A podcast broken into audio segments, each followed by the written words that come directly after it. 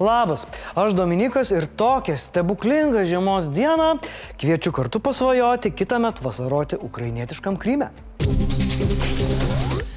Washington Post straipsnėje teigia, kad Ukrainai deokupavus Krymą, Rusija gali panaudoti branduolinį ginklą. Taip pat pabrėžiama, kad abi pusės nesiruošia pasiduoti ir spręsti šio klausimo diplomatiškai. Kažkaip abejoju, kad Ukraina bijo tos bombos. Aš jums dar daugiau pasakysiu. Ukrainos prezidento patarėjas Mikhailas Podoliakas jau turi traukinio bilietą į Krymą. Tai čia jau nieko nebepadarysi. Jei kelionė suplanuota, teks stumti rusą iš pusėsolio ir padovanoti jiems bilietus į Kobzono koncertą. Dabar truputį apie dezinformaciją. Nuo pat karo pradžios vis pasirodo naujienos, kad jau tuoj, tuoj Baltarusijos kariuomenė kartu su Lukašenka prieš akį žygiuos į Ukrainą. Per dešimt karo mėnesių ši naujiena niekarto nepasitvirtino. Ir ji nei kiek nepriartėjo prie tiesos. Karo instituto analitikai mano, kad toks įvykis yra labai mažai tikėtinas. Bulvinis diktatorius bijo, jog didžiai daliai pajėgų pajudėjus Ukrainos link nebus kas liks Baltarusijoje ir saugos jį ir Kolenką nuo labai labai piktų šalies gyventojų.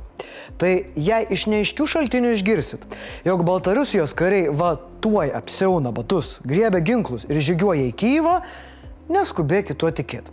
Pasižiūrėkit, kas praneša apie šią naujieną, kuo remiasi tekstą rašantys žmonės ir sulyginkit tai su tuo, ką rašo Ukrainos generalinis štabas. Tuomet Rusijos dezinformacija jūsų taip greit nepaveiks. Taip pat niekas jau nebepaveiks dalies karių buvusių Wagner samdinių štabe Luhansko srityje, į kurį atskrido karmą nešantis Himarsas. Po smūgio buvo daug žuvusiųjų, o mažiausiai pusė išgyvenusiųjų mirs negavę reikiamo gydimo. Štai taip baigėsi ekskursija į Ukrainą. Dabar jau Ukraina ruošiasi atremti naują raketų ataką. Pranešama, kad priešas neatsisako planų ir toliau apšaudyti Ukrainą, matomas ir Rusijos strateginės aviacijos judėjimas. Tiesa, jie čia gali judėti, nes bijo, kad jei pritūps kur nors saugiai, tuoj pat pavojinga nuorūka atskris. Na, žinot, ta, kur visus gaisrus Rusijai sukelia. O kas pasilgot didelių Ukrainos pergalių, tai dar šiek tiek teks palaukti, bet jos sugrįž.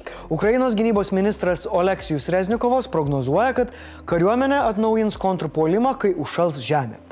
Pas mus pro langą pažiūrėjus atrodo, kad visa šalis jau baltai užšalo. Kaip tik apie tai ir kita naujiena. Lietuvoje sninga, sninga, sninga, prisnigo taip smarkiai, kad prasidėjo tikras chaosas. Labiausiai sostinėje. Čia virto medžiai, sustreikavo ne tik vairuotojai, atsisakė į kalnus pakilti ir troleibusai, o kas sugebėjo atkapstyti savo maškę, tai dar plikais pirštais ledą nuo valytuvų gramdė. Dalis Lietuvos palindo net po 40 cm sniego paklotę.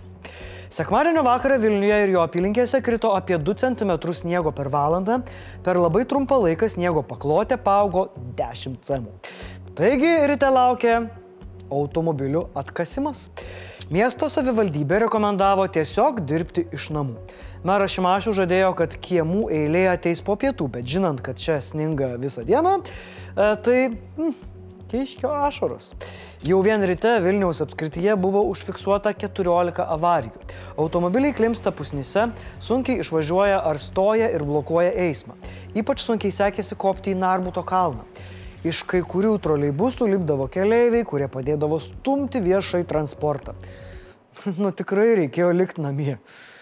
O gal kai kurie žmonės ir liko, nes meras sako, kad kamščių tikrai mažiau nei įprasta pirmadienį. Dėl didelio snygiaus kilo grėsmė dengtiems aikštynams.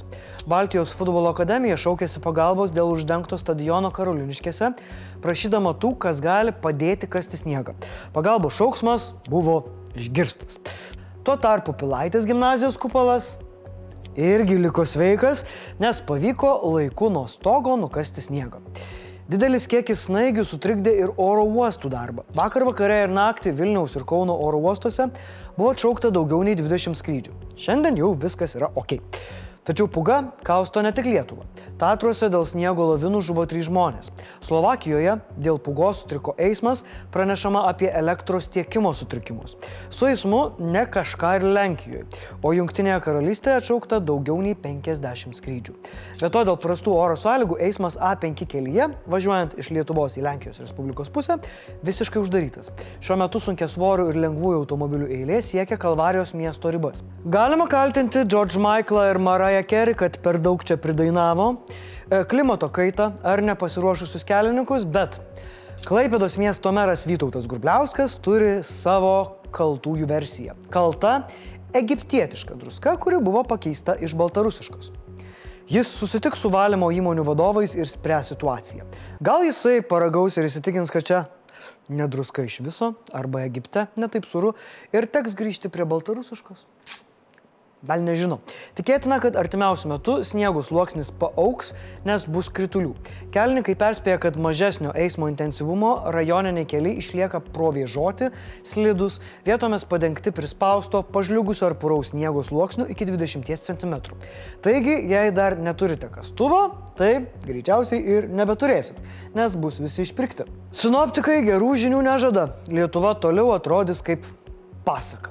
Tiksliau, Pasaka bus, jei niekur neisit iš namų ir tiesiog žiūrėsite pro langą, kompiuterio langą ir padėsite laikančio video. Vilniuje jau aštuntą dieną tęsiasi viešojo transporto vairuotojų streikas, kuriame dalyvauja beveik 600 darbuotojų. O Vilniaus viešojo transporto bendroviai ir profsąjungai vis dar nepavyksta rasti sutarimo. Nesutariama dėl aštuonių punktų. Įdomus šeštasis punktas, kuriame profsąjunga nori, kad jos pritarimas būtų būtinas atleidžiant darbuotoją net dėl neblaivumo. Abi pusės kaltina viena kitą keliamais vis naujais reikalavimais, kas kart atnaujinus dėrybas. Neramina, aišku, nuolatiniai profsąjungos lyderiai, e, lyderio bangavimai. Profesinė sąjunga nesutinka ir sako, kad jokių naujų sąlygų įmoniai nekelia. Didžiausi nesutarimai kyla dėl darbo apmokėjimo sistemos bei jos įtraukimo į kolektyvinę sutartį. Vilniaus miesto savivaldybė sako, kad vairuotojų atlyginimai kilo ir kilo net daugiau nei žadėta.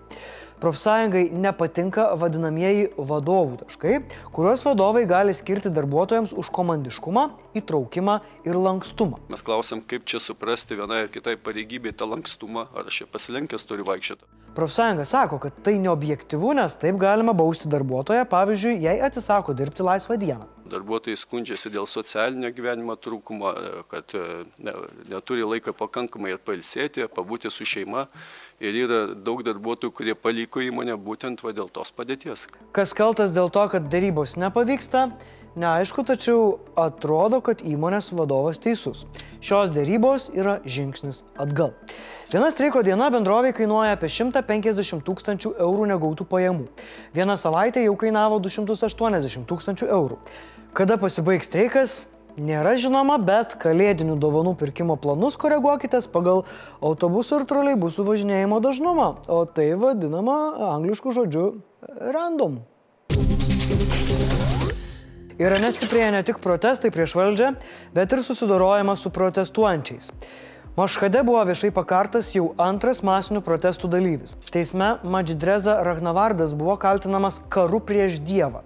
Jeigu tiksliau, buvo tvirtinama, jog jis mačete užpuolė ir nužudė du Irano pajėgų karius. Aišku, teismai Irane vyksta kaip ir Rusijoje, labiau dėl vaizdo. Nei tavo advokato, nei jokios gynybos, nei labai kažkokių įrodymų reikia. Teismas prasidėjo, verdiktas paskelbtas, egzekucija. Ragnavardas buvo pakartas praėjus kiek daugiau nei trims savaitėms po sulaikymo. Žmogaus teisų grupės tikina, jog myriop nuteistų žmonių tik daugėja. Iš viso per protestus sulaikyta virš 18 tūkstančių, tad yra labai reali grėsmė, jog egzekucijų mašina įsivažiuos pilnu tempu. Po egzekucijos Irano pareigūnai paskambino nuteistojo motinai, pasakė, jog nužudė jos sūnų ir pranešė, kur palaidotas jo kūnas. Ir viskas.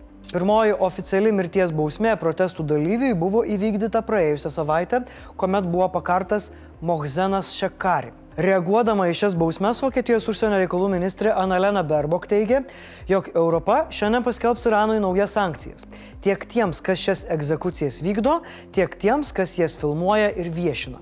Ta pati patvirtino ir ES užsienio reikalų vadovas Josepas Borelis. Ir ohohohoho, Iranas bando pats suduoti smūgį Europai prieš jai pačiai įvedant naujas sankcijas. Ir skiria sankcijas Junktinės karalystės vidaus žvalgybos agentūros ir kariuomenės vadovams bei Britų ir Vokiečių politiniams veikėjams. Kažkaip norisi tikėti, jog visos kitos egzekucijos bus įvykdytos tiems, kas atsakingi už valdžią Irane.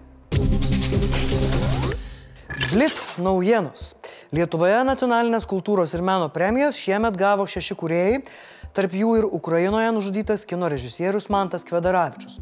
Premijos taip pat skirtos rašytojui Kazijui Sajai, poetui Rimvidui Stankievičiui, operos solistui Edgarui Montvidui, kompozitoriai Žibuokliai Martinaitytei Rosačiai, kino režisieriai Gedriai Žitskytei. ES diplomatijos vadovas pareiškė, kad įtarimai dėl kišininkavimo kelia nerimą. Įtariama, kad į juos galimai įsitraukęs pasaulio futbolo čempionato šeimininkas Kataras, siekintis pagerinti savo įvaizdį Europos parlamente. Belgijos prokurorai apkaltino keturis įtariamuosius korupciją. Europos parlamento vicepirmininkė Eva Kaili buvo sulaikyta tyrėjams jos namuose radus banknotų pilnus krepšius. Vidaus reikalų ministerija atėmė pilietybę iš Adolfo Kaminsko, kuris yra karo nusikaltelio Sergejaus Šoigų vaikų motinos Jelenos Kaminskas vyras. Dabar Lietuvos pilietybė Kaminskui yra kaip Jelenos vaikai, jam nepriklauso, su tuo ir sveikinu. Vilniaus miesto apylinkės teismas suteikė teisę statybų inspekcijai nugriauti Maskvos namus. Taip pat paskyrė pastatą valdančiai viešai įstaigai po 300 eurų baudos už kiekvieną dieną, kai sprendimas nevykdomas. Planuojama, kad griovimo darbai bus atlikti iki 2023 metų pabaigos. Aš toj pat bėgsiu į mašiną grandyti savo valytuvų, o kaip jums, mėlyjeji, šiandien sekėsi atkast maškę? Parašykit komentaruose. Ir šiaip tikiuosi, kad galėjot šiandien dirbti iš namų. Nes net katinai supranta, kad gal geriau šiandien niekur nelyst. What are you doing? Komentarai. Praėjusios savaitės laidoje Timūras klausė jūsų, kokią nominaciją būtų galima skirti Rusijos prezidentui Putinui. Jūs pasistengėt. Paskaitysiu kelis. Viktoras sako, kad Putka yra metų šudagalinis. Nu, taip. Saulė siūlo savo močiutės frazę. Vargo bibelą. Linkėjimai močiutei Saulė. Slaptuolis skiria nominaciją už daugiausia bezdalų prigeneravusi senį bunkeryje. Labai geras. O nu kam tai rūpi, serviruoja visišką pastarojo meto klasiką ir Vladimiro Putiną siūlo apdovanoti už NATO plėtrą. Hmm. Tai va, tiek žinių šiandien. Iki ryto.